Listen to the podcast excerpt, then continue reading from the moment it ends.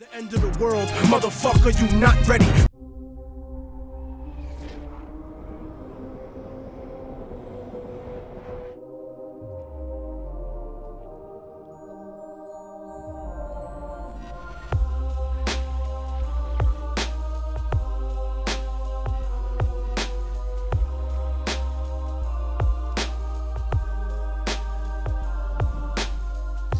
Ja, daar zijn we weer. Alweer de elfde aflevering. En het gaat super, super lekker zo. Goede reacties gehad, dat geeft ook motivatie om weer door te gaan. En ehm, ik ben iets later dan normaal.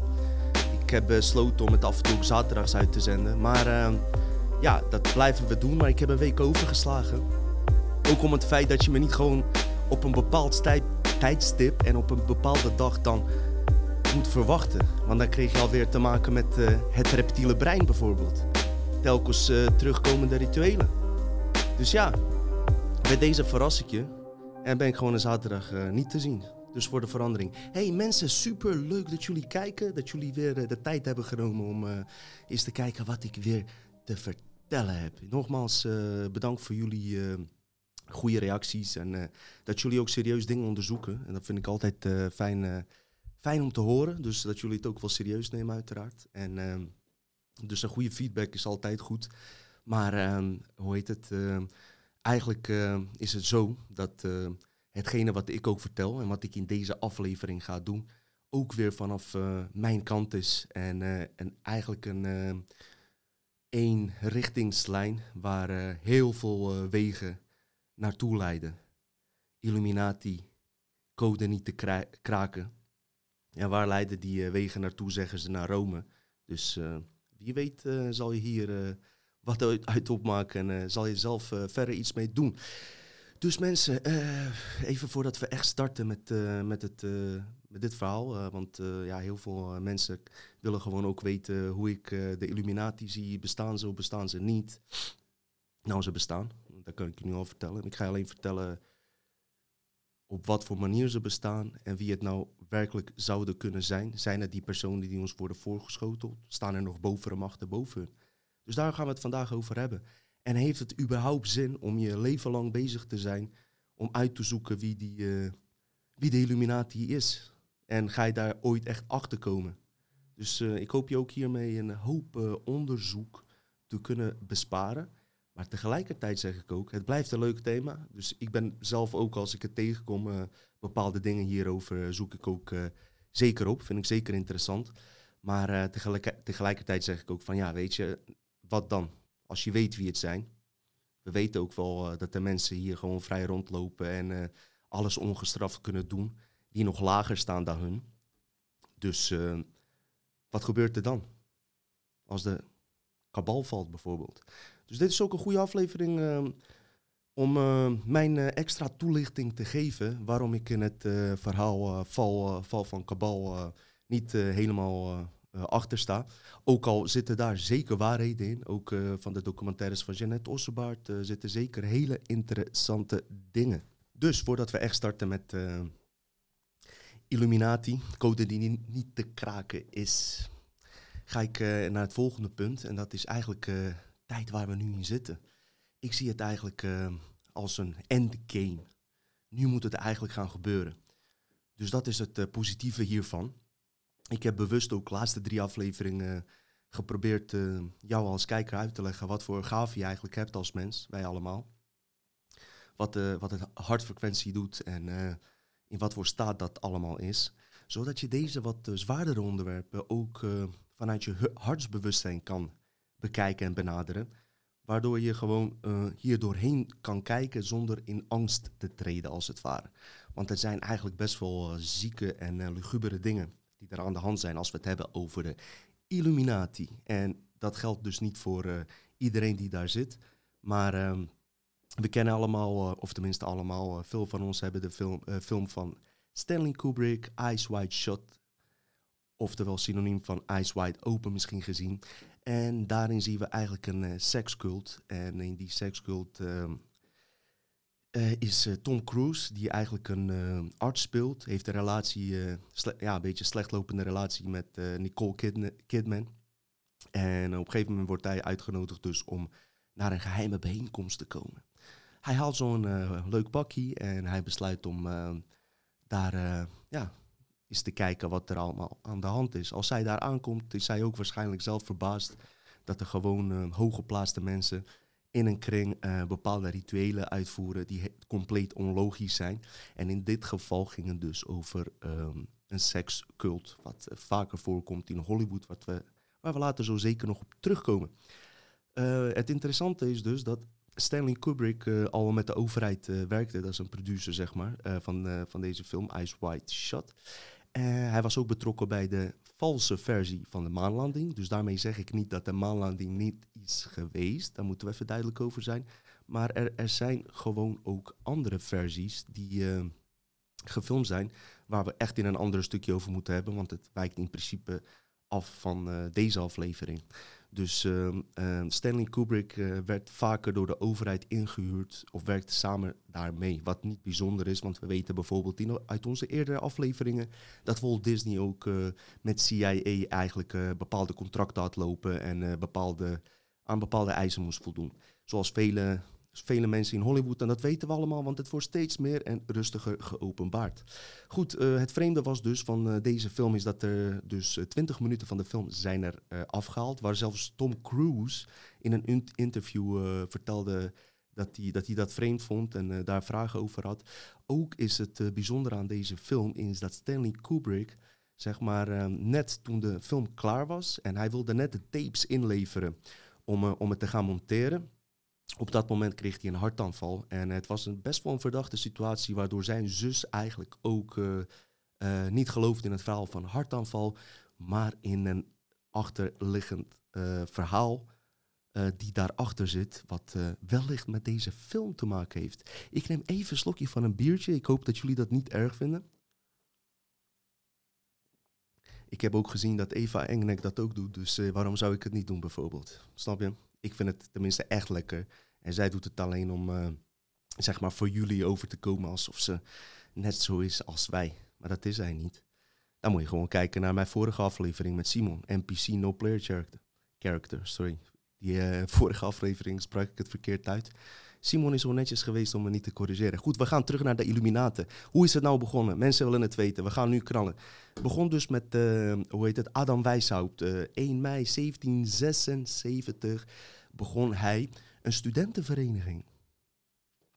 Die studentenvereniging was eigenlijk uh, gericht uh, om, uh, ja, voor mensen die een beetje anders dachten, gerelateerd aan Minerva ook. Ehm, de, de leer van Kabbalah heeft daar ook mee te maken, waar we zo zeker op terugkomen. Maar ehm, het interessante dus van Illuminati, van de oorsprong, is dat het eigenlijk gemaakt is uh, om, of tenminste tot stand is gekomen, om mensen voor zichzelf te laten denken. Je zou bijna zeggen, een beetje waar wij mee bezig zijn. Hoe kan het dan in godsnaam dat elke keer uiteindelijk het tegenovergestelde gebeurt? Dus ook als een uh, ja, uh, studentenclub, het begon ergens mee met het doel om eigenlijk een, nieuwe soort mens te creëren verli met verlichtende denkwijze. Vandaar ook de naam Illuminati, zij die verlicht zijn. Ik vraag me af, waarom verlichten jonge jongens ook niet? Wij zitten al drie maanden in een crisis, we mogen niet naar buiten. Geef ons een beetje licht, Illuminaten. Illuminaten. Dus wat er aan de hand was, is dat uh, eigenlijk dezezelfde ideeën kon je ook, af, uh, als je mijn aflevering 3 en 4 dacht ik, kijk, gecontroleerde oppositie en sociale misleiding, dan uh, kan, je, kan je eigenlijk opmerken dat dezezelfde denkwijze, wat eigenlijk de New Age is, komen we zo nog op terug, het komt er eigenlijk dus op neer dat, dat het één leer is die zo, waardoor wel de linkerkant van de politiek wordt beïnvloed als de rechterkant. We hebben het over Karl Marx gehad, die hier ook door beïnvloed was. De Illuminati heeft een hele erg sterke invloed gehad op de revolutie in Frankrijk. Ook de datum van de revolutie was, dacht ik, ook 1 mei. Waar, want dat is in die geheime genootschappen, de data's en getallen zijn belangrijk. Wat ook zeker zinvol is. Dus daar zit zeker een waarheid in, een soort astrologieachtig iets. Matrix bestaat uit getallen 1 en 0, dus dat is ook niet vreemd. Dus wat ze toen deden, in geval van Franse revolutie, en dat doen ze eigenlijk nu ook, als je kijkt naar Black Lives Matters of allerlei goede doeleninstanties, zij mengen zich dus in eh, bepaalde clubs die heel onschuldig lijken. In dit geval was dat de Jacobin Club. En dat was eigenlijk in 1789 tot 1799 de Jacobin Club. Dat is een linksgeoriënteerde club en uh, had heel veel invloed op de sociale werkklasse. En zo werkt dat. Zij, zij gaan juist in die richting, omdat dat uh, voor, voor het grote volk altijd partijen zijn waarvan ze denken: hé, hey, dat zijn goede mensen. ze denken links, ze denken aan anderen. Maar we weten uit het verleden, dus ik hoef ze ook nergens van te beschuldigen. Je hoeft alleen in de historie te kijken en te zien wat, wat die linkse of of rechtse, het maakt ook eigenlijk niet uit wat voor gevolgen het heeft gehad, die denkwijze. Dus het gebeurt nog steeds, wat ik net zei. Black Lives Matters, uh, natuurlijk doet elk leven ertoe. Uh, zoals uh, Mickey van Leeuwen ook zei, all life matters, zag ik op zijn pagina staan. Nou ja, daar ben ik het ook volledig mee eens. Want woorden zijn heel belangrijk. Op het moment dat je alleen Black Lives noemt, dan, komt dat gewoon voor een, dan voelt een andere groep zich dus automatisch uitgesloten. En het enige wat ik hier wil doen, is verbindingen leggen met mensen. En niet een bepaalde termen naar voren brengen. Wij zijn dit of wij zijn dat. Ondanks dat ik het er ook over heb gehad dat er ook robotmensen bestaan. Maar ik zie iedereen gelijkwaardig. Dus op dat moment uh, benadruk ik dat dan ook. Dus ik kan me voorstellen dat je dan denkt van ja, je maakt wel onderscheid in mensen. Klopt, er is ook een onderscheid in mensen. Dat moeten we ook toegeven. Maar ik vind wel tegelijkertijd dat je elkaar gelijkwaardig moet uh, behandelen. En iedereen is gewoon gelijkwaardig. Eén is beter in iets dan de ander. Klaar. En accepteer dat nou maar gewoon. Uh, wat, wat is nou dat probleem, weet je wel? Dat begrijp ik sowieso niet. Goed, Illuminati. Hoe deden ze dat? Eigenlijk, en ik vertel het weer vanaf mijn invalshoek en dit verhaal, het verhaal van Illuminati, kan echt wel in 500 podcasten worden verteld. Dus wat je nu hoort is slechts een haartje op je hoofd misschien. Snap je? En uh, je kan wel licht dingen linken met jouw eigen onderzoeken. En er zijn ook vast mensen die boeken hebben geschreven en nog veel meer weten dan ik. Wat ik weet voor mezelf vind ik voldoende, al blijf ik het nog steeds interessant vinden. Want het is zeker een interessante club. Dus we hebben vrijmetselaarsloges, geheime clubs. Vroeger waren de, zeg maar, uh, geheime clubs in Europa uh, zeer populair, zijn ze nog steeds. Maar ook uh, als, je, als je kijkt naar magische scholen in Europa, daar hebben we nooit over gehoord. Maar dingen die in Harry Potter, zeg maar, die scholen, die zijn eigenlijk gerelateerd op de waarheid. Dus scholen waarmee echt met esoterische kracht werd gespeeld. Wat niet eigenlijk open was voor de gewone man. Dus allerlei, er zijn honderden geheime clubs die er bestonden en nog steeds bestaan. Wat heeft de Illuminati gedaan? Adam Weishaupt, Adam Weishaupt, die gast, die, weer een Duitser hè. Ik wil je niet, niet om meteen of andere. Karl Marx Duitser, Hitler Duitser, Adam Weishaupt. Maar ik heb niks tegen Duitsers hoor. Ik moet, uh, als ik naar Bosnië ga, toch weer via Duitsland. Dus dankzij hun kan ik daarheen. Ik vraag me af of ik straks überhaupt vliegtuig in kan. Met die nieuwe vaccinwetten gaan ze zeker zeggen van ja, eerst een vaccin, dan mag je pas vliegen. Ze gaan heel veel dingen inperken. Maar goed, we blij, blijven bij de Illuminati. Dus wat ze deden, je hebt uh, die, die, studentenclub, was al gelinkt aan leer van Kabbalah, waar ik straks op terugkom, esoterie, dus meer dat uh, spirituele, New Age-achtige. En ze begonnen gewoon belangrijke mensen uit vrijmetselaarslosjes, tempeliers begonnen zich mee te bemoeien. Waarom tempeliers? Omdat tempeliers al eeuwenlang uit het oosten en uit uh, kruisvaartoorlogen en koning Solomon, eh, waar ze, waar, waar ze eh, boeken stalen voor de Vaticaan, ook achter deze kennis kwamen. Daar was Vaticaan trouwens niet blij mee en besloot dus op vrijdag de 13e om alle tempeliers af te knallen. Vandaar dat dat de ongeluksdag is. Snap je? Waarschijnlijk weten velen van jullie dit, maar ik zeg het toch voor mensen die niet vaak kijken. Dus over Vaticaan uh, gesproken. Als je kijkt naar wat voor linken er zijn met Vaticaan en geheime genootschappen en Zwitserland, Jesuiten, geheime groepen dus binnen de religies die daarin zijn gedrongen. Laten we het zo zeggen. Maar als je nog dieper graaft, kom je er eigenlijk achter dat ze vanaf begin af aan dit hebben gemaakt. Als je op een dieper multidimensionaal level dit bekijkt. Maar goed, we houden het nu even rustig. Vaticaan en uh, uh, satanisme, reptielen zijn uh, zeer terugkomend verhaal. Net als Egypte en piramides, wat je ook heel erg terugziet bij de Vaticaan. En um, wat ze dus hebben gedaan is dus aan de ene kant hebben ze tempeliers, mensen die altijd oorlog hebben gevoerd, weten hoe de Tempeliers zijn eigenlijk ook oude, hele goede uh, oorlogsvoerders, strategen. Ze weten hoe dat, hoe dat gaat. Ze hebben aan de andere kant hebben ze een religieuze kant achter zich, waar miljoenen mensen uh, zeg maar in geloven en uh, klakkeloos naar luisteren, naar de paus nog steeds, of wat voor geloof dan ook. Hè. Ik heb het nu over christendom, maar eigenlijk zijn alle geloven indirect daarbij betrokken. Uh, andere kant hebben ze bankiers, wetenschappers, historici. Hebben ze zeg maar uh, aan zich geworven om een bepaalde uh, stroming van kennis naar voren te brengen. En dat in onze algehele samenleving tot stand te brengen. En dat is de reden waarom er bijvoorbeeld nooit over die oude. nooit echt wordt gediscussieerd wat onze oorsprong is. Wordt maar één verhaal van Darwin. Hebben ze het over? Nou, Darwin ook een Freemason, zijn vader ook daaraan verbonden.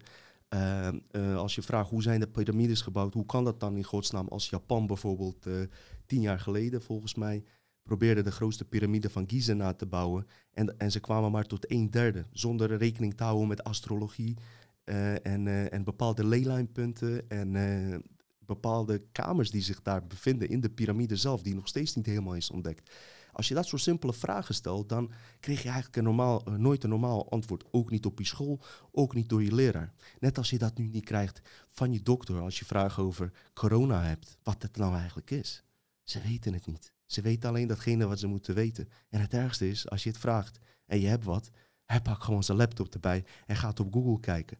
Dat kan ik net zo goed zelf doen. Maar goed, dus een dokter, dat wil ik alleen zeggen. Wij hebben heel snel uh, hebben we iets bij onszelf van uh, we zien iemand met een pak en uh, het is een dokter, het is een tandarts. Het zal wel goed zijn. Het zal wel goed zijn. Mijn tandarts probeert me nog steeds uh, aan te smeren dat ik drie keer in het jaar een gebitsreiniging moet doen. Dus ik zeg tegen hem, waarom zou ik dat doen? Hij maakt mij bang. Hij zegt, ja, um, weet je hoe gevaarlijk dat is? Je, je, je kan gaten in je tanden krijgen, pijn in je tanden. Dus ik zeg tegen hem, dan bel ik jou toch, als dat aan de hand is. Was die stil. Ik ben al 35 jaar, doe ik geen uh, extra beurten, zeg maar. Dat ik twee, twee, keer, sorry, twee keer was dit. Zou ik een uh, ja, soort reiniging in mijn gebit moeten krijgen. Doe ik nooit. Ineens is het gevaarlijk, ineens moet ik het gaan doen. Nou, had hij ook weer geen antwoord op. En het is een tandarts.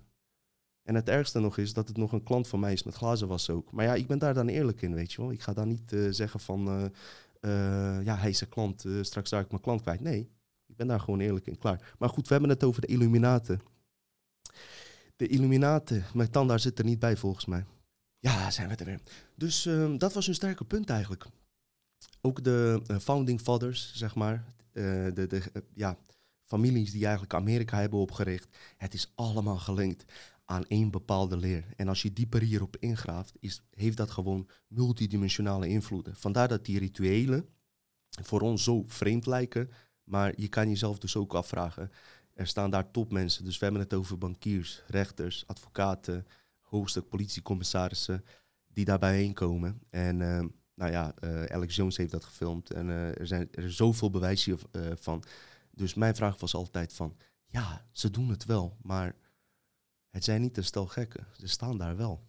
Waarom zouden ze dat doen? Dat was altijd mijn ding. Ze doen het niet zomaar. Daar, daar moet toch iets achter zitten. Ze krijgen er echt wel iets voor terug, anders doen ze het niet. En uh, dat gaan we zeker ook ontrafelen. Komt wel. Wie weet deze aflevering.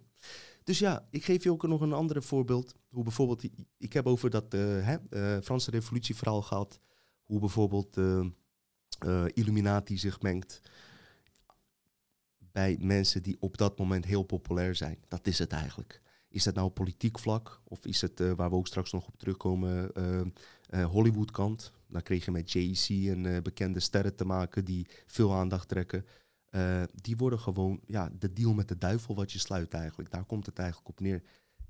Zodra je interessant wordt en je ontdekt iets nieuws, krijg je zeker met deze groepen te maken. Noemen ze zelf Illuminati? Waarschijnlijk niet. Wij noemen ze zo omdat dat woord nou hierin is gekomen. Bestaan ze in die vorm? Uh, weet ik niet, maar bestaat het systeem zeker wel. En nog veel geraffineerder wellicht. Het wordt steeds, steeds dieper en er worden steeds, steeds ja, uh, sterkere kaarten op tafel gegooid, zou je kunnen zeggen. Voorbeeld met Hitler. Hoe ze zich daarin melden. Buiten het feit om dat uh, Hitler ook weer connecties met Rothschild had en dergelijke, ga ik je even een, een ander voorbeeld vertellen. Je had bijvoorbeeld in die tijd had je een, uh, Society van Maria Oresic. Dat is een vrouw Uh, die zat in een uh, ja, soort van uh, genootschap van vrouwen met heel lang haar. Zij geloofde, en dit, dit, dit was echt een pure spirituele society zou je kunnen zeggen, die bezig was met contact te leggen met buitenaardse intelligentie en het verkrijgen van vrije energie via deze intelligentie. Beetje Tesla-achtige manier. Goed, um, daar waren ze heel lekker mee bezig. Ik weet nu nog steeds niet of daar echt kwade bedoelingen direct bij zaten, maar we hebben het over channelings. Dus, en channelings zijn echt matrix, vaak matrix-invloeden, bijna in alle gevallen.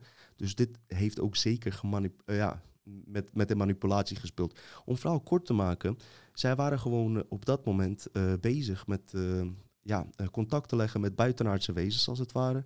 Maar het mooie hiervan is dat die wezens hun instructies gaven om schepen te bouwen alienschepen. Zo is eigenlijk ook het NASA-systeem. Uh, ja, NASA is zo eigenlijk op grond van die informatie dus opgericht. Dat is onwijs een bizar verhaal. Ik ga ook uh, aparte UFO's-afleveringen uh, maken, waar dit uitgebreider wordt verteld. Maar dit verhaal vertel ik alsnog. Dus um, um, zij waren daarmee bezig. En op een gegeven moment begon de ja, Black Sun Society, wat onderdeel is van Tuel Society, dacht ik. Dat is weer een geheime genootschap die zich daartussen mengt en daar met hun uh, even meekijkt wat er aan de hand, is. Um, want deze uh, societies, zoals de Lords of the Black Stone, die konden, dat is een uh, tempeliersgenootschap, die eigenlijk al hun geheimen nooit opschrijft, maar van vader op zoon vertelt.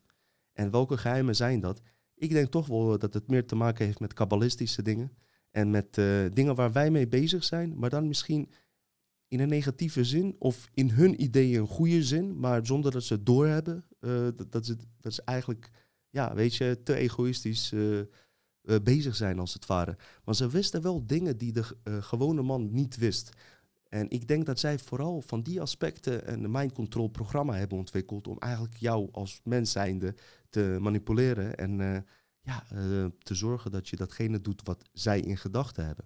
Dus je kan ook deze kennis die ik tenminste kennis, uh, dat kwantumfysica verhaal heeft ook zeker uh, voor negatievere mensen zeker ook wel uh, bepaalde voordelen. En, en, kan dat ook worden toegepast, dus in, je, in een negatieve vorm. Dus die Maria Orisic, die channelde aliens en die kreeg bepaalde, ja, die schreef bepaalde dingen op en zij beweerde dat daarin stond hoe je een ufo-schip moest bouwen.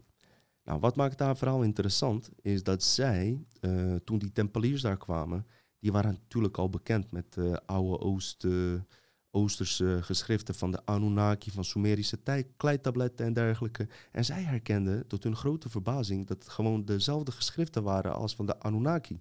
Van, uh, van Babylonië, Sumerische kleitabletten, van uh, Zechariah Sitchin, wat hij ontdekt had. En zij konden dat vertalen, dus die geschriften. En het, het, bleek dus te kloppen nadat gewoon de grootste Duitse wetenschappers hier betrokken bij waren. En waardoor gewoon uh, alienschepen bijvoorbeeld uh, uiteindelijk uh, zijn gebouwd. En dit is, daar moeten we gewoon echt een aparte aflevering over maken, omdat het zo bizar is. Maar ik kan je wel vertellen dat er gewoon, zeg maar, in een paar pro prototypes gewoon BMW-motoren in zaten. En dat de grootste, grootste Duitse wetenschappers daarmee bezig waren. Op een gegeven moment kwam Amerika daarachter na de oorlog namen ze die uh, Duitsers mee. Dat heette Operation Paperclip. Daarna kwam ook nog Operation High Jump. Dus ik ga jullie vertellen, als ik die afleveringen ga maken, die UFO, uh, die UFO-afleveringen, met, uh, met keiharde documenten en met bizarre dingen, dan zal je dit ook linken aan het verhaal. Maria Orsic is een belangrijke naam dus in Hitlers programma. En ook daaruit zal je merken dat er uiteindelijk multidimensionale invloeden hebben gespeeld van wezens, in dit geval Nordics en reptilians, die uh, onderling ook weer bepaalde agenda's hebben, strijd, uh, oorlogen. Ja, aliens voeren dus blijkbaar ook oorlogen, maar die voeren ze dus via ons. Want we zijn, zo, we zijn echt heel belangrijk. Oké, niet, om niet van Illuminati-verhaal uh, af te wijken, gaan we gewoon hier even lekker verder. We zijn lekker bezig. Waarom zouden we het niet doen? Ja, en ook, ook, nog handig om tussendoor te vertellen. Veel mensen vragen aan mij van, hey, ben je niet bang omdat je over hen praat, dat ze je wat aandoen. En uh, hoe heet het? Uh, ze zijn zo gevaarlijk. Nou, geloof mij nou maar. Zij geilen hierop, wat ik nu vertel. Zij kregen gewoon een harde van die verhalen die ik jullie nu vertel.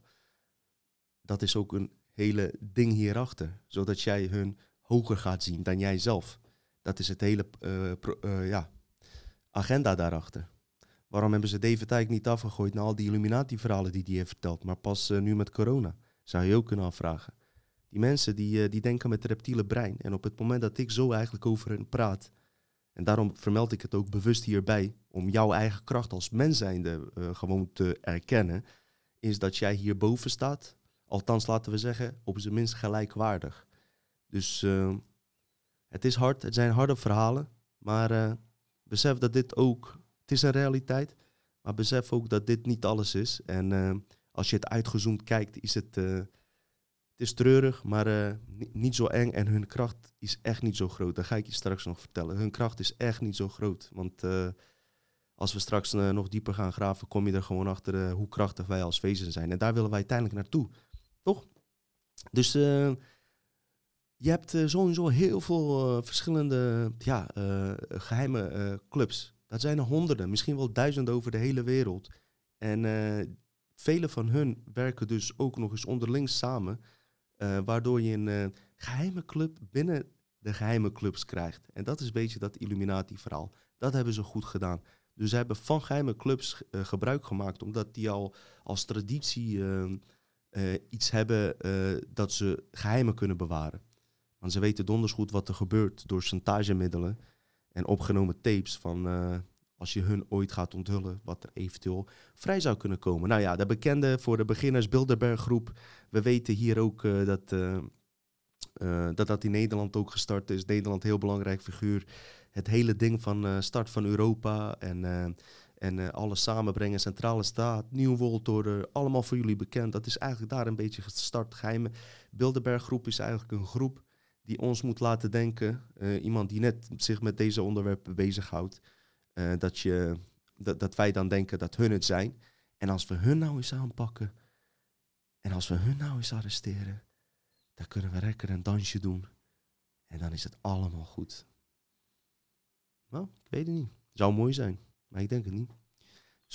Skull Bones. eh, in onze eerste podcast eh, hebben we nog een filmpje laten zien... waar zelfs George Bush en John Kerry gewoon openlijk toegeven... dat ze daar lid van zijn. Zijn vader van George Bush was daar. Daar zijn ook eh, gelekte video's uit... eh, en zoveel verhalen, weet je wel. Kijk, je kan wel een paar verhalen van mensen hebben... die misschien paranoia zijn en dat vertellen. Maar als je dan dit een beetje analyseert... en eh, naar de details kijkt... zou je ook gewoon zo kunnen, vrij kunnen zijn... En om te kunnen zeggen, wat nou als het wel zo is? Oké, laten we het nu even buiten houden of het wel of niet zo is. Die clubs bestaan. Skull and Bones is trouwens ook een... het is geen, zoals ik doe, een, een hart of een brein. Iets positiefs. Het zijn fucking presidenten, man. Ik wil van hun eh, de meest positieve dingen zien. Ik wil dat hij lid is van een badmintonvereniging. En dat hij, eh, weet ik veel, dat hij gewoon een normaal fucking leven leidt. Niet in zo'n fucking apenpak... eh, rare rituelen gaat uitvoeren. En mij vervolgens de, de, de les leest of ik, of ik me, een vriend van mij kan omhelzen of een vriendin.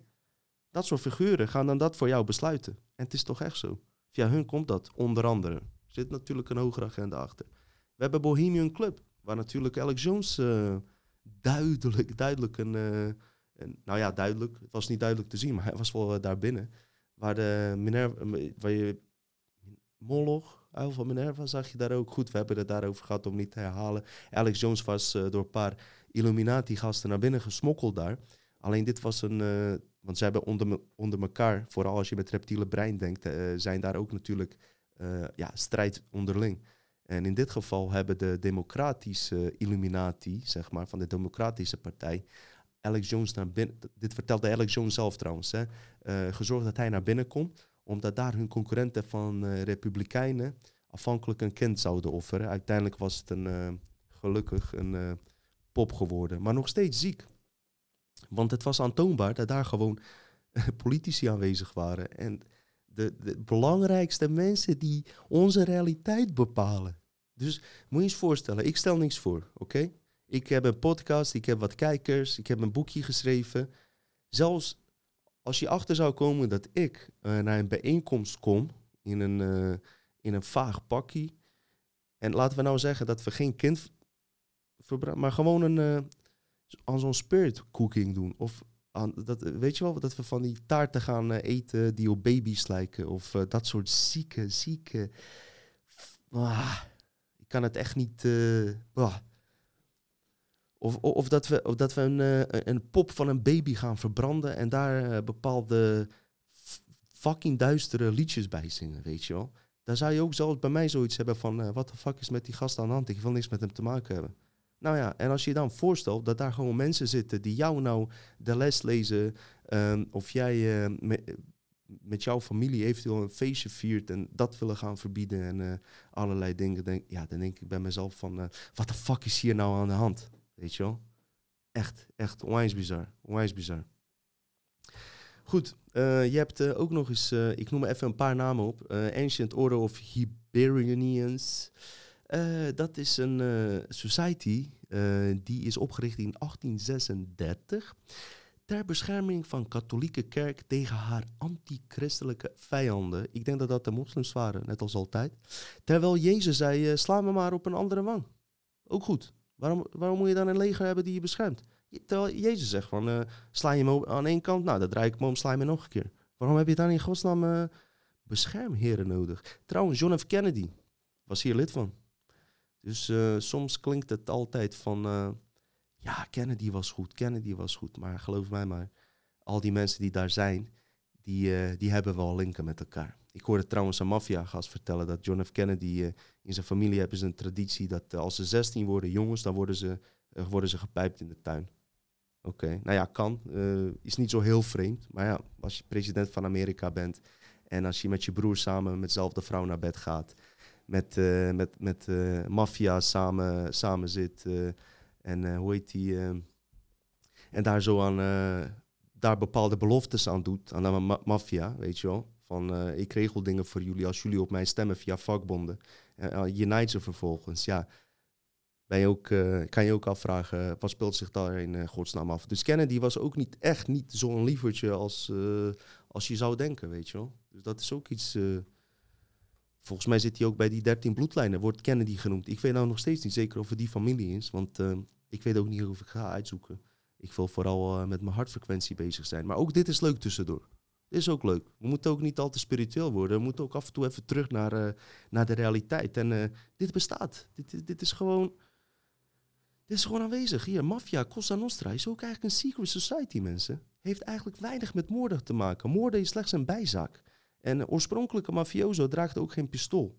Het is een... eh, ja, ze doen daar ook bloedrituelen als je daar eh, lid wordt. Maar eh, er zijn ook bepaalde normen en waarden aan. Ook zeer gerelateerd aan de kerk natuurlijk.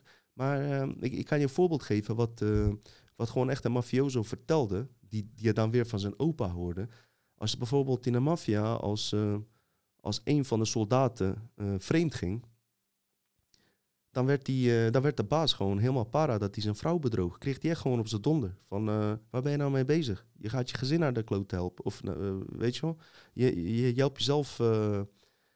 je denkt alleen maar aan jezelf. En daar werd hij er toch echt op aangesproken. Er, er waren wel bepaalde regels. Maar ja, ook altijd weer gerelateerd aan, aan zware misdrijven vaak en dergelijke. Maar ook een onderdeel van, van Secret Society. Dus wel, ja, zeker interessant.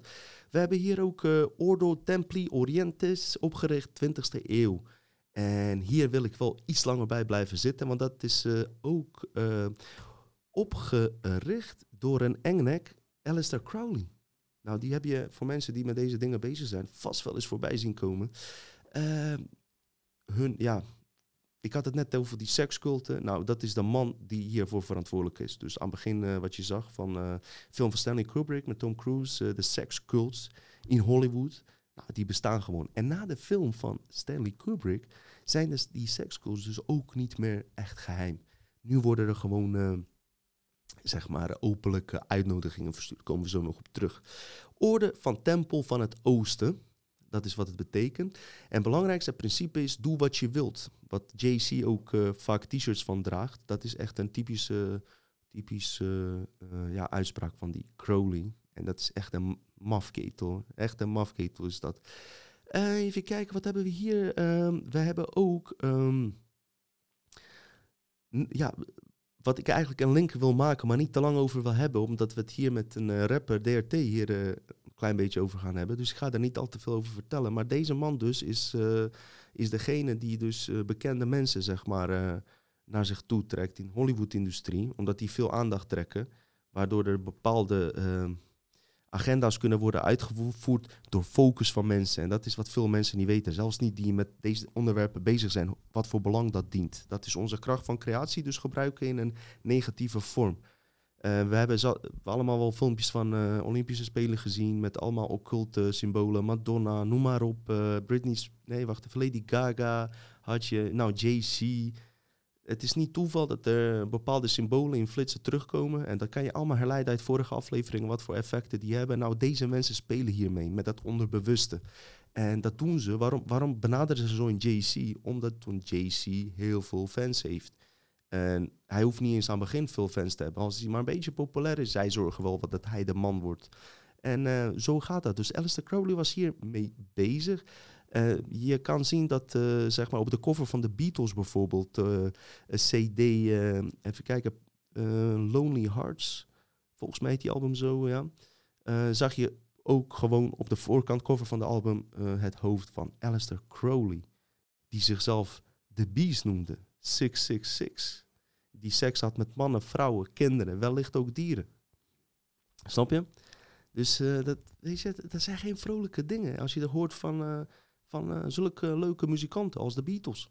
Dus ja, dezelfde leer, dus seksuele magie, wat zeker bepaalde invloed heeft dus op onze realiteit. Se seksualiteit dus, wordt op een bepaalde manier neergezet en dat wordt via die sterren dus gepromoot. Dus als je weet wat het belang is van symbolen en onze collectieve kracht, wat we in de vorige aflevering eigenlijk hebben besproken, zou je hier zeker linken mee kunnen leggen.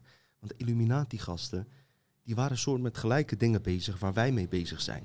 En het kan ook zijn geweest dat die gasten, uh, zijn vooral mannen geweest, want vrouwen mochten er geen lid van worden, misschien ook aan het begin hele goede bedoelingen hadden. En wellicht zijn ze door mind controls gewoon, of uh, dat reptiele brein wat uh, gericht is op meer, meer en meer, gewoon misleidt om bepaalde dingen te doen en bepaalde offers te zetten, waar ze zelf uiteindelijk later van de lul zijn geweest. Zo openlijk is het dat het Peaches Geldof, uh, eh, AD Nieuws las ik het, gewoon ja, deze sekscults gewoon openbaart en het goed praat en vertelt dat het goed is. En wellicht is ze daar ook van overtuigd, omdat het in eerste instantie een... kijk, in een goede leugen, in een perfecte leugen, zit altijd een deel van de waarheid. Ik weet niet of deze uitspraak bestaat, als die niet bestaat, claim ik hem nu per direct. Dus als je goede leugen vertelt, je vertelt 90% de waarheid en net het moment wanneer het belangrijkste punt komt, wat voor die persoon van belang is om te weten, die haal je dan weg. Dan klinkt het gewoon ook echt geloofwaardig. En dat is waar de Illuminati goed in is. En dat is waar deze krachten van uh, ja, Anunnaki-krachten, deels van hun, ze zijn al niet allemaal slecht, maar ook dat kunstmatige intelligentie die daar onwijs goed mee werkt met de softwareprogramma's daarvan. Gaan we ook zeker uitbreiden hoor, want anders uh, gaan we weer naar vertakkingen toe. We moeten even bij de Illuminaten blijven, want zelfs mijn buren vragen aan mij... Tino, kan je ons wat vertellen over de Illuminati? Ik zeg, ja, uiteraard. Uh, vind ik wel interessant om te horen, die, iemand die een jurist is. Of iemand die uh, bij de, bijvoorbeeld justitie werkt. Die geïnteresseerd is en mij vraagt over Illuminati. En als ik dan vraag, waarom wil je het zo graag weten? willen ze niet echt uitleggen, maar misschien dat ze bepaalde linken voor zichzelf hebben gelegd. Ik weet het niet. In ieder geval, die Alistair Crowley uh, is daar dus onwijs bij betrokken. heeft verschillende boeken geschreven. Uh, ik vertelde net, net uh, JC wordt, er, wordt eraan gelinkt, ook in zijn clips. En, en die Lady Gaga, Rockefeller, weet je wel, label. Het, het, heeft bepaalde linken, maar ook vooral wat mij interessant maakt is gewoon al die symbolen. Daar let ik vooral op. En dat vind ik gewoon opvallend. Dat, dat daar veel met symboliek dus wordt gewerkt. En je zou, kijk, als je het van één kant hoort, of alleen van Alistair Crowley, is het een leuk verhaal, wordt snel vergeten. Maar dit is slechts één lijn wat ik over Illuminati vertel. En ik weet zeker dat jullie thuis ook denken, oh Dino, vertel dit, vertel dat. En jullie hebben ook zeker dingen die ik zelf niet weet, weet je wel. Het zijn zoveel. Het is een doolhof. Doolhof, een code die niet te kraken is. Snap je? Ik vertel nu één vertakking. Maar je hebt hier bijvoorbeeld die eh, voormalige eh, FBI-agent Ted, Gunderson. Hij deed onderzoek naar satanische kringen in Los Angeles. Hij vertelde dat de leer van Crowley demonen opriep. En dat ging soms gepaard met menselijke offers. Het liefst van een intelligente jongeling. En dat zijn dingen die je ook in de Vaticaan terugziet. Ik denk dat, eh, dat die ranzige dingen die met de- kinderen gebeuren, honderdduizenden kinderen die verdwenen zijn waar, waar, geen demonstraties over komen, waar ik eh, zo, zo vaak over praat. Ik hou er ook over op. Weet je waarom? Het gaat ook nooit komen. Het gaat ook nooit komen, want die boodschap komt gewoon niet over. Dat komt ook door dit. Op het moment dat ik me hele leven lang zou eh, bezighouden dus om die eh, onrechtmatigheid tegenover al die eh, mi- misbruikte kinderen, eh, zeg maar, om daarmee bezig te zijn, dan zou ik nog steeds in de val, in de, in de Illuminati-val trappen. Want dat gaat gewoon nooit gebeuren. Niet op deze manier. Er zijn wel oplossingen. Uiteraard zijn er oplossingen, maar niet op deze manier. Want dit is hun spel. Wij zitten in een, eh, in een spel waar Illuminati assistentie krijgt van de designers van het spel. Daar kom ik zo nog op terug en daar, ja, daar moet nog een aflevering op volgen. Ik zie dat we al veel, eh, veel te lang weer eh, bezig zijn. Ik zweer het je, ik zou deze aflevering vier uur kunnen praten. Echt waar. Zou zomaar kunnen. Maar dat ga ik niet doen, want eh, we moeten het even strak en overzichtelijk houden. Dus die FBI-agent, eh, weet je wel, die heeft, die heeft het daar gewoon over. En er zijn nog honderden insiders. Je hebt, eh, je hebt Leo Zagami, die, die zelf uit een bloedlijnfamilie komt uit Engeland. Die gewoon, dat is gewoon een openbare Illuminati-man. Die in, die in bladen stond in Italië. Was de Illuminati. Nou, hij is soort van naar buiten getreden. Ik vertrouw hem zelf niet helemaal. Want hij is nog steeds, eh, zeg maar, eh, eh, vrij metselaar. Maar ook een ja, kant van Illuminati die hij dan zeg maar de goede kant noemt. Je kan hem ook vaak met Alex Jones zien en alles. Maar hij, die man, ik sta niet achter zijn visie over het leven. Want hij gelooft nog steeds dat Jezus degene is die ons moet helpen. En dat is prima, respecteer ik. Maar die man heeft wel inside dingen die wel onwijs belangrijk zijn. En ook gedocumenteerd bewijs wie hij is. Dus zelfs op fysiek level kan je zien dat het heel ehm, lastig is te achterhalen wie het wel werkelijk zijn. En ehm, wie erbij betrokken is, omdat het natuurlijk niet wordt eh, genoteerd. Overigens is het interessant dat diezelfde Alistair Crowley eh, beweerde dat hij een, ehm, zijn denkwijze doorkreeg van een djinn. Hij noemde het een djinn. En daar had hij een schets van gemaakt. En eh, die schets, dat kunnen jullie zien, eh, lijkt eh verdacht veel op... eh, nou ja, vul het zelf maar in. Dus mensen, dat was Dolhof 1. En even terug naar de kern. Gaat over Illuminati, code niet te kraken. Gelinkt aan val van kabal. Dus eh, eh, mensen die denken dat, eh, dat, dat de, val, eh, de, kabal ineens gaat vallen. En eh, dat we dan eh, rondjes gaan rijden, eh, rennen van blijdschap. Dit was eh, Dolhof 1. En eh, dit is al vrij ingewikkeld. Dan gaan we naar het tweede Dolhof, Kabbalah. Want waar komt de leer vandaan? Van Alistair Crowley, eh, Adam Weishaupt, Karl Marx, Adolf Hitler, New Age. Komt allemaal af van de Kabbalah. Val van de kabal. Maar ik vraag me af of mensen in het algemeen het verschil überhaupt weten tussen Illuminati en de kabal. Want als we over kabal praten, dan gaan we toch echt een andere kant op. Dat is niet Jeffrey Epstein. Snap je? Dat is ook niet Bill Clinton. Jeff- Jeffrey Epstein is gewoon een eh, luxe versie van Mark Dutroux. Oké? Dus je denkt toch echt niet eh, dat... eh, ja, hij wordt inderdaad als een zondeboek gebruikt. Net als Mark Dutroux als een zondeboek is gebruikt. En zelfs die mensen die boven hem staan, zijn nog geen kabal. Kabal is echt een dieper level. Dan gaan we echt... En ik weet zeker niet genoeg over kabal. Maar ik weet wel een aantal dingen die ik jullie eh, kan vertellen. En dat, dat gaat toch echt op een eh, esoterisch, nog dieper level. En nog dich- dichter bij de matrix komt het. Richting dingen waar ik mee bezig ben. Dus waar een soort uh, mystici, ze, ze, noemen ze zelf niet zo. En weken totaal af van normale Joodse concept van God. Het is geïnspireerd eigenlijk door, door gnosten. Dat zijn die oude boeken eh, die eh, eigenlijk weggelaten zijn uit de Bijbel. En daar staan wel hele andere dingen in die in de Bijbel staan. En wat was het geval? Eh, zeg maar, de kabal, Alleen bepaalde mensen wisten dat en konden dat überhaupt aan. Het scheen ook zo te zijn dat je ook zeg maar aan bepaalde voorwaarden moest voldoen. Echt een hoge priester zijn, moest zijn van bepaalde tak van uh, Joodse afdeling. En dat zelfs ehm, die mensen, als ze achterkomen wat hun waarheid was, dat gewoon niet aankonden.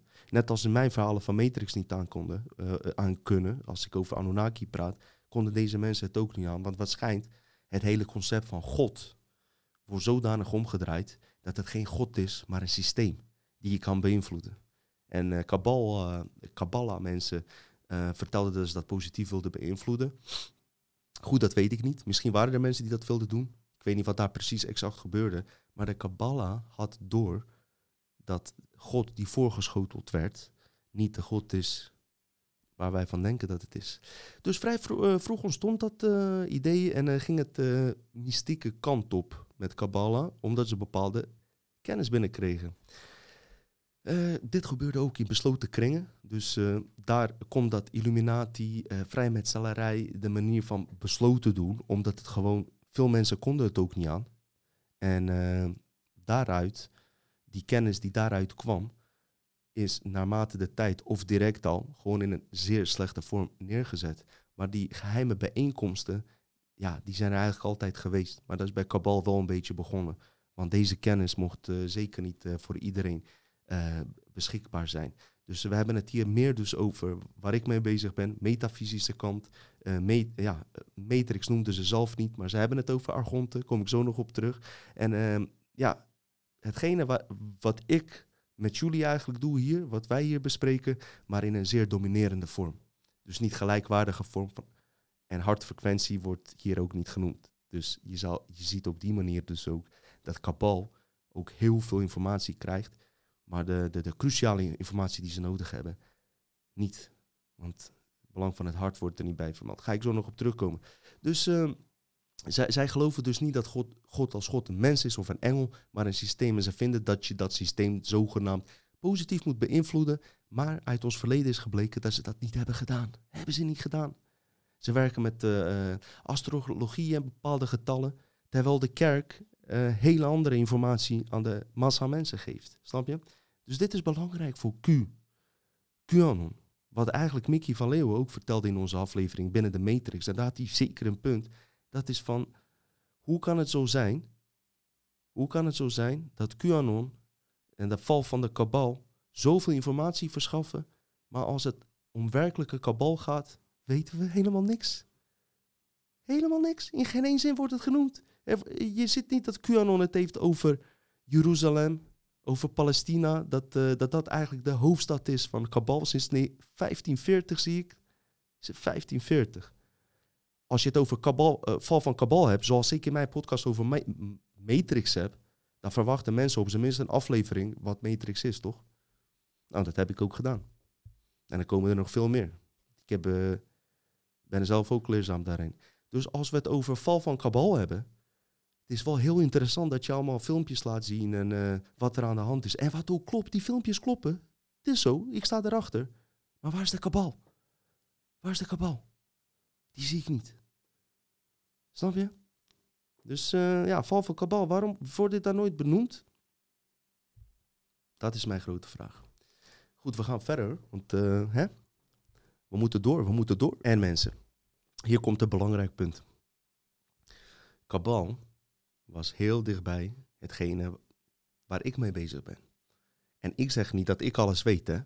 Maar ik kan je wel vertellen dat Kabal volledig dus is uh, beïnvloed door externe krachten, multidimensionale krachten, die hun informatie verschaften, die zeer werkzaam is binnen de matrix. En alle macht kregen ze binnen de matrix.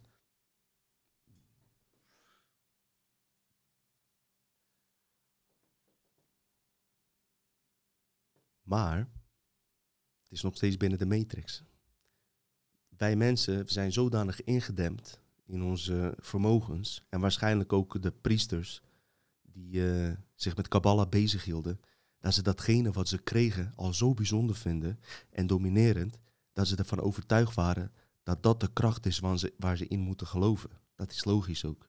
Als jij een klein puppy thuis had, jij geeft hem te eten, dan ben jij God voor hem. Zo, zo werkt dit systeem helaas. Dit systeem werkt niet gelijkwaardig. We werken alleen uh, degene die meer geld heeft, degene die bekend is. Degene, weet je wel, die, die, die wordt automatisch een soort van God. Dus niet, als ik het over God heb, hoeft het niet altijd religie te zijn. Het kan ook je idool zijn, weet je wel. Idol. Zoek maar goed wat idol precies betekent. Maar nu ga ik een mooie link leggen met uh, dingen waar ik mee bezig ben en waar Kabbalah mee bezig was. Kabbalah had het over onder andere Sophia. Wat was Sophia? Sophia was een vrouwelijke vorm van het menselijk bewustzijn. Heeft niks met vrouwelijke wezens trouwens te maken. Want uh, die vrouwelijke vorm van bewustzijn zit in ons uh, alle mensen. Maar het is eigenlijk een soort van ons hogere zelf. En het mooie daarvan is, tenminste, er is niks moois hieraan. Maar zij hebben het ook over de val van het bewustzijn door argonte. Kijk, dat maakt het al heel erg interessant. Dus dat hele Bijbelverhaal, wat wij in de Bijbel hebben voorgeschoten gekregen, valt meteen ten buiten. Want in dit geval zijn we niet op een, in een leerproces, maar zijn we ooit wat geweest en zijn we gedegradeerd. En uh, ik kan me voorstellen dat kabbalisten hier ook van schrokken. En dat dus sommige uh, ja, priesters dit gewoon niet aankonden en niet wilden geloven. Dat uh, zeg maar de God die uh, wij aanbidden eigenlijk een, een God is die niet dienbaar is voor ons. En kabbalisten waren hier dus van op de hoogte. En ik weet niet in, op wat voor manier zij dan misleid zijn dat ze wellicht een andere vorm van energie gingen aanbidden. En daar kom ik er nu op terug. In dit geval was dat hulp van Jezus. Want kijk, het gaat hier over Kabbalah, even globaal hoor, dit kan je zelf uitzoeken. In Kabbalah zeggen ze, Sophia kreeg een, uh, was een aanval van Argonte, waardoor zij in, bewustzijnsval een degradatie ging. Um, even kijken. maar uiteindelijk kwam Jezus en die hielp haar om stap voor stap naar hogere levels te komen. Dus ik denk dat hier de truc in zit. Ook heb ik Kabbalah niet bestudeerd, maar goed, dat ga ik ook niet doen. Ik denk dat hier ook weer een, uh, mooi voorbeeld is waarbij heel grote, uh, wa hele grote waarheid wordt verteld. Maar net bij de oplossing dus dat jij bij je hart moet komen en uh, zelf hieruit moet komen via een kwantumveld, wordt hier hulp van een externe kracht, in dit geval Jezus, erbij geroepen zodat je zeg maar Jezus als jouw verlosser ziet. Dus dat is interessant. Eerder genoemde wetenschapper die uit de Einsteinse tijd komt, die vol met matrix te maken heeft, als we het over matrix hebben, uh, Carl Jung, eerder besproken, heeft ook verbazingwekkende uh, matrix-resultaten kunnen behalen. in zijn wetenschap met Kabbalah dus te vergelijken met ons systeem. Want zij hadden het over, ook over een systeem. En matrix is in principe een sociale systeem, sociale samenleving. Iets, iets wat, ja, iets, iets, een sociale samenleving waarin iets gebeurt, zag ik in een definitie staan. Want je hebt onwijs veel uh, definities van Matrix. Dus uh, heel interessant, heel interessant. Moest je hier te veel bij blijven hangen? Nee, denk het niet. Ik denk dat je gewoon uh, dit wel moet weten. Onderzoek hoeveel je wil en het blijft interessant. Maar ga niet je hele leven lang, zou ik zeggen, wil je doen, prima. Alles van de kabal willen weten. Ik zou me liever dan bezighouden gewoon uh, uh, mijn connectie met mijn hart en balans met mijn brein te maken. Zodat ik vo volledig bezig kan zijn deze hologram in mijn realiteit te veranderen. En in onze gezamenlijke realiteit. Dat is waarom ik dit doe. Dat is waarom ik deze podcast doe. Dus, maar goed, dat is mijn visie. En uiteraard, als je mijn verhalen wilt nakijken en daar een onderzoek op wil doen, prima ook, weet je wel. Want nogmaals, het is alleen van mijn kant verteld. En er zijn heel veel dingen die ik zelf ook niet weet. Dus uh, ik blijf dat erbij zetten. Um, uh, ja, de gnosten, de, de, oude leer waar Illuminati ook vol mee bezig is, dat zijn vooral die boeken die achter zijn gehouden. Dus de Bijbelstukken die ontbreken, zoals Maria Magdalena. Ik heb het eerder gehad over Nag Hammadi, weet je wel, geschriften. Ja, daar staan gewoon hele bizarre dingen in die niet in de Bijbel staan. Althans, ze staan er, uh, er staan gelijkenissen, maar ook dingen die gewoon totaal tegenovergesteld uh, zijn. Waarover meerdere goden wordt gesproken. Wat meer uh, duidelijkheid over Argonte weer, werd gegeven. En wat er nou precies daar aan de hand was. En wat ook met, zeg maar, multidimensionale dingen te maken had eigenlijk. Daar hadden ze het toen eigenlijk al over. Alleen nu noemen ze dat mythes of dat het niet bestaan heeft. Maar ik vraag me altijd af. Heel vaak zeggen mensen, ja, maar die mensen hadden fantasieën. die waren zo onderontwikkeld dat ze op een gegeven moment allemaal verhalen gingen maken uh, uit uh, fantasie. Maar ik denk dan bij mezelf, hoe ontwikkeld waren ze als ze zulke grote piramides konden bouwen en in diezelfde piramides ook linken hieraan dan legden.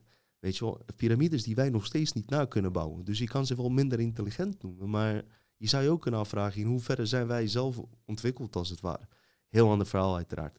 De Illuminati, die is altijd op de hoogte geweest dat dit gewoon ehm, een soort van echte gebeurtenissen waren en die ook op een bepaalde wetenschappelijke wijze konden worden verklaard, puur omdat ze kennis hadden die wij nu pas een beetje beginnen te krijgen, zoals kwantumfysica. Je ziet dat NASA naar voren is gekomen, dat tijdreizen bijvoorbeeld zeker mogelijk is. Nikola Tesla had al uh, in zijn stuk bewijs waar dat uh, in mogelijk zou kunnen zijn. Alleen mensen die zeg maar dit onkenbaar uh, wilden maken, werden voor gek gezien. Ooit, ze werden in cartoonfilms zoals de Superman, uh, werd Nikola Tesla als een uh, slechterik afgebeeld. Puur om hem in een kwaad daglicht te zetten. Dus de Bijbelvertalers in die tijd, die konden dat nergens plaatsen. Van ja, tijdreizen en ja, dat kan niet. En ze, ze, probeerden dan een eigen verhaal van te maken dat het fantasie was. Maar als je nu terugkijkt waar Nikola Tesla al mee bezig was en... Waar, waar, NASA nu ook mee bezig is, was ze vrijgeven dat de tijdreizen heeft tijdreizen eh, zeker eh, theoretisch mogelijk is. En waarom zouden de toekomstige, uh, tenminste als er buitenaardse wezen zouden komen, hebben ze dan ook waarschijnlijk die techniek om dat te doen. En ze zouden bijvoorbeeld die uh, Enoch mee hebben kunnen genomen voor een paar honderd jaar. En dat die binnen drie uur terugkwam. Want jij kan ook een droom toch hebben dat je gewoon, weet ik veel, een hele dag ergens weg bent. Of een paar dagen of een paar weken ergens weg bent. En je wordt wakker en, en het is maar een paar uur geweest je hebt toch ook voor mensen die ayahuasca hebben gedaan, hebben soms gewoon een heel leven hebben ze geleid in hun ayahuasca-trip. Eh, en dan zijn ze vier, vijf uur later wakker en is het gewoon vijf uur geweest. Snap je? Dus daar kan je het een beetje aan linken. Goed, die Illuminati dus is hiervan op de hoogte. Waarom? Omdat ze deze informatie op een zeer geheime wijze generaties langs doorkregen. Ik zei net, Lords of the Blackstone, Templiersgemeenschap. Vader op zoon. Dus daar werd nooit wat op geschreven. Dat gaat gewoon vader op zoon, komt de informatie door en dat blijft strikt geheim. Wat er gebeurde volgens, uh, zeg maar, uh, Zechariah Sitchin, uh, volgens de kleitabletten die in Sumerië werden gevonden, gaan we allemaal uitgebreid op in. En gaan we zeker de volgende aflevering over hebben, want anders zijn we nog twee uur bezig. Is dat deze families dus zich een beetje verspreid hebben over de wereld. Je had zeg maar Aziatische bloedlijnen, waar ook een heel interessante dingen over zijn die ik zelf moet uitzoeken. Maar ik heb het nu even over de westerse bloedlijnen standaard verhaal van de Illuminati. Uh, we kennen ze wel, DuPont, uh, Kennedy, Rothschild, Rockefeller. Wie hebben we nog meer? Uh, familie Bundy, is niet El Bundy trouwens. En een familie trouwens, Van Duin, Nederlandse familie. Daarvan is niet echt bekend of ze erbij zaten. Maar volgens, je moet maar eens een keer als je dat wil onderzoeken... Um, Springmeier heet die man. Die heeft een boek geschreven 13 uh, eh, bloedlijnen, familie bloedlines. Dat boek is volgens mij ook nog eens uh, door CIA in beslag genomen. En je kan hem via de site van CIA kan je hem downloaden. Dit is onwijs bizar. Moet je, moet maar eens kijken. Ik weet niet of dat nog kan. Ik zet wel een link erbij. Je kan hem gewoon online downloaden via hun site. Goed, het verhaal gaat dus. Ik heb het nu even over westerse bloedlijnen. Er kwamen wezens hier, die uh, gingen zich op een gegeven moment mengen met ons. Wat eigenlijk gewoon hybride ja, hoe noem je dat, uh, onderzoeken waren, omdat ze juist iets van ons willen hebben. Ze mengden zich met ons, waardoor er een nieuwe uh, soort ontstond van reuzen, Nephilim. Staat in de Bijbel, staat in de Koran ook volgens mij. In allerlei andere geloofsboeken staat het ook omschreven. waren hele grote mensen. Al die uh, giants, Hercules en dergelijke zouden daar dus ook uh, mee gelinkt zijn. Uiteindelijk zijn ze steeds menselijker geworden. Trouwens, de bloedlijnen van Azië, Japan dacht ik, of China staat ook in de mythologie dat de eerste koning nog steeds een uh, staart had. Omdat het uh, van een reptiele bloedlijn was. En dus die eerste generaties hadden nog zelfs trekjes van die oude alien reptiele wezens. En ook de farao's, waar ik nu eigenlijk heen wil, zoals de Tutankhamon en noem maar op, die hadden ook verdacht grote, grote schedels, zeg maar. Die, die schedel zagen er anders uit. Vandaar dat ze ook die, eh, ja, die dingen op hun hoofd droegen, om dat eh, eigenlijk te verbergen. En er zijn schedels gevonden die gewoon niet menselijk uitzien. Maar wat maakt het verhaal interessant is dat dus die bloedlijnen uiteindelijk een beetje de, ja, de vorsten, blauw bloed, hè, zijn geworden. Ze hadden ook letterlijk blauw bloed, is ook onderzocht. En daar zijn onze heersers. Ja, wie zijn het nou echt? Zijn het die namen die we opnoemen? Weet ik niet. Weet ik niet. Misschien zijn het juist de namen die we niet opnoemen. Dat zou ik eerder geloven. Maar wat het wel interessant dus maakt, is dat uh, in Zwitserland uh, was er een onderzoek dus dat uh, ongeveer de helft van alle West-Europeanen die delen voorouders met de Egyptische farao Amon. Dat is interessant. Dat maakte een team van genetici in Zwitserland bekend. Het team reconstrueerde dat DNA-profiel van de farao en vergeleek dat met het DNA van hedendaagse bevolking. De resultaten van onderzoek toonden aan dat Amon, die 3000 jaar geleden op 9-jarige leeftijd de troon besteeg, toebehoorde aan een genetische profielgroep waar ook meer dan 50% van alle hedendaagse mannen in West-Europa toebehoren. En 70% van Engelsen. En wat, wat maakt dit verhaal nou uh, interessant? Is dat maar 1% van DNA van de Egyptenaren zelf te linken zijn aan Tutankhamon. Dus uh, ja, dat is echt iets uh, waar we in de volgende aflevering over gaan hebben. Goed, dus dit was even een uh, aflevering van de Illuminati. Code niet te kraken. Het is een doolhof, mensen. Het is een doolhof. het zou heel erg naïef zijn dat je nou gaat denken... Trump die gaat met de white hats, met de goedaardige aliens. Oh ja, je zou nog dit Iemand die echt diep gaat, zou nog tegen mij kunnen zeggen ja, maar die Anunnaki, die worden zeg maar door de, door de, door de hoe heet die uh, van Corey Good, uh, Blue Avians en andere groepen, uh, daar strijden ze tegen en die helpen ons dan en dergelijke. Nou, je kan je ook afvragen wat als dat niet zo is en wat als dat gewoon een onderdeel is van gewoon kunstmatige intelligentie die zowel de voorstander als vij ja, vijand tegenover jou neerzet. En ehm, en jou nog steeds weglaat vanuit jouw hartfrequentie. En het feit dat je het via een kwantumveld eigenlijk moet oplossen, omdat dat de enige manier is om deze hele matrix onder controle te krijgen. Snap je? Dus uh, mensen die diep graven, die zouden dat nou nog kunnen zeggen als tegenwoord van ja, maar er zijn aliens die ons helpen. Klopt, er zijn aliens die ons gaan helpen, maar um, ze gaan ons pas helpen, daar ben ik van overtuigd, als wij volledig tenminste weer in staat zijn dat we beseffen dat we een ongekend eigen vermogen hebben, zodat zij met ons eventueel iets samen zouden kunnen doen. Maar als wij in dit proces blijven, uh, waar de me meerderheid van de mensheid in blijft, is dat we onderdanig zijn en, uh, en, externe vracht oproepen, kracht oproepen, dan is het voor die buitenaardse wezens zelfs, het is voor hun zelfs gevaarlijk om hierin te loggen. Zij kunnen in dit proces va vast blijven zitten. Laat ik het zo zeggen. En dit is een ingewikkeld verhaal die ik zelf nog ook moet uitzoeken. Er zijn goedwillende wezens die aan ons verbonden zijn. Dus ik ga dit helemaal niet dramatisch maken. Maar de wezens die, uh, die uh, aan jou vertellen dat, uh, dat je moet wachten op hun. En dat zij er bijna aankomen. En dat je gewoon nog even geduld moet hebben. En dat je gewoon achterover moet zitten en de show moet bekijken.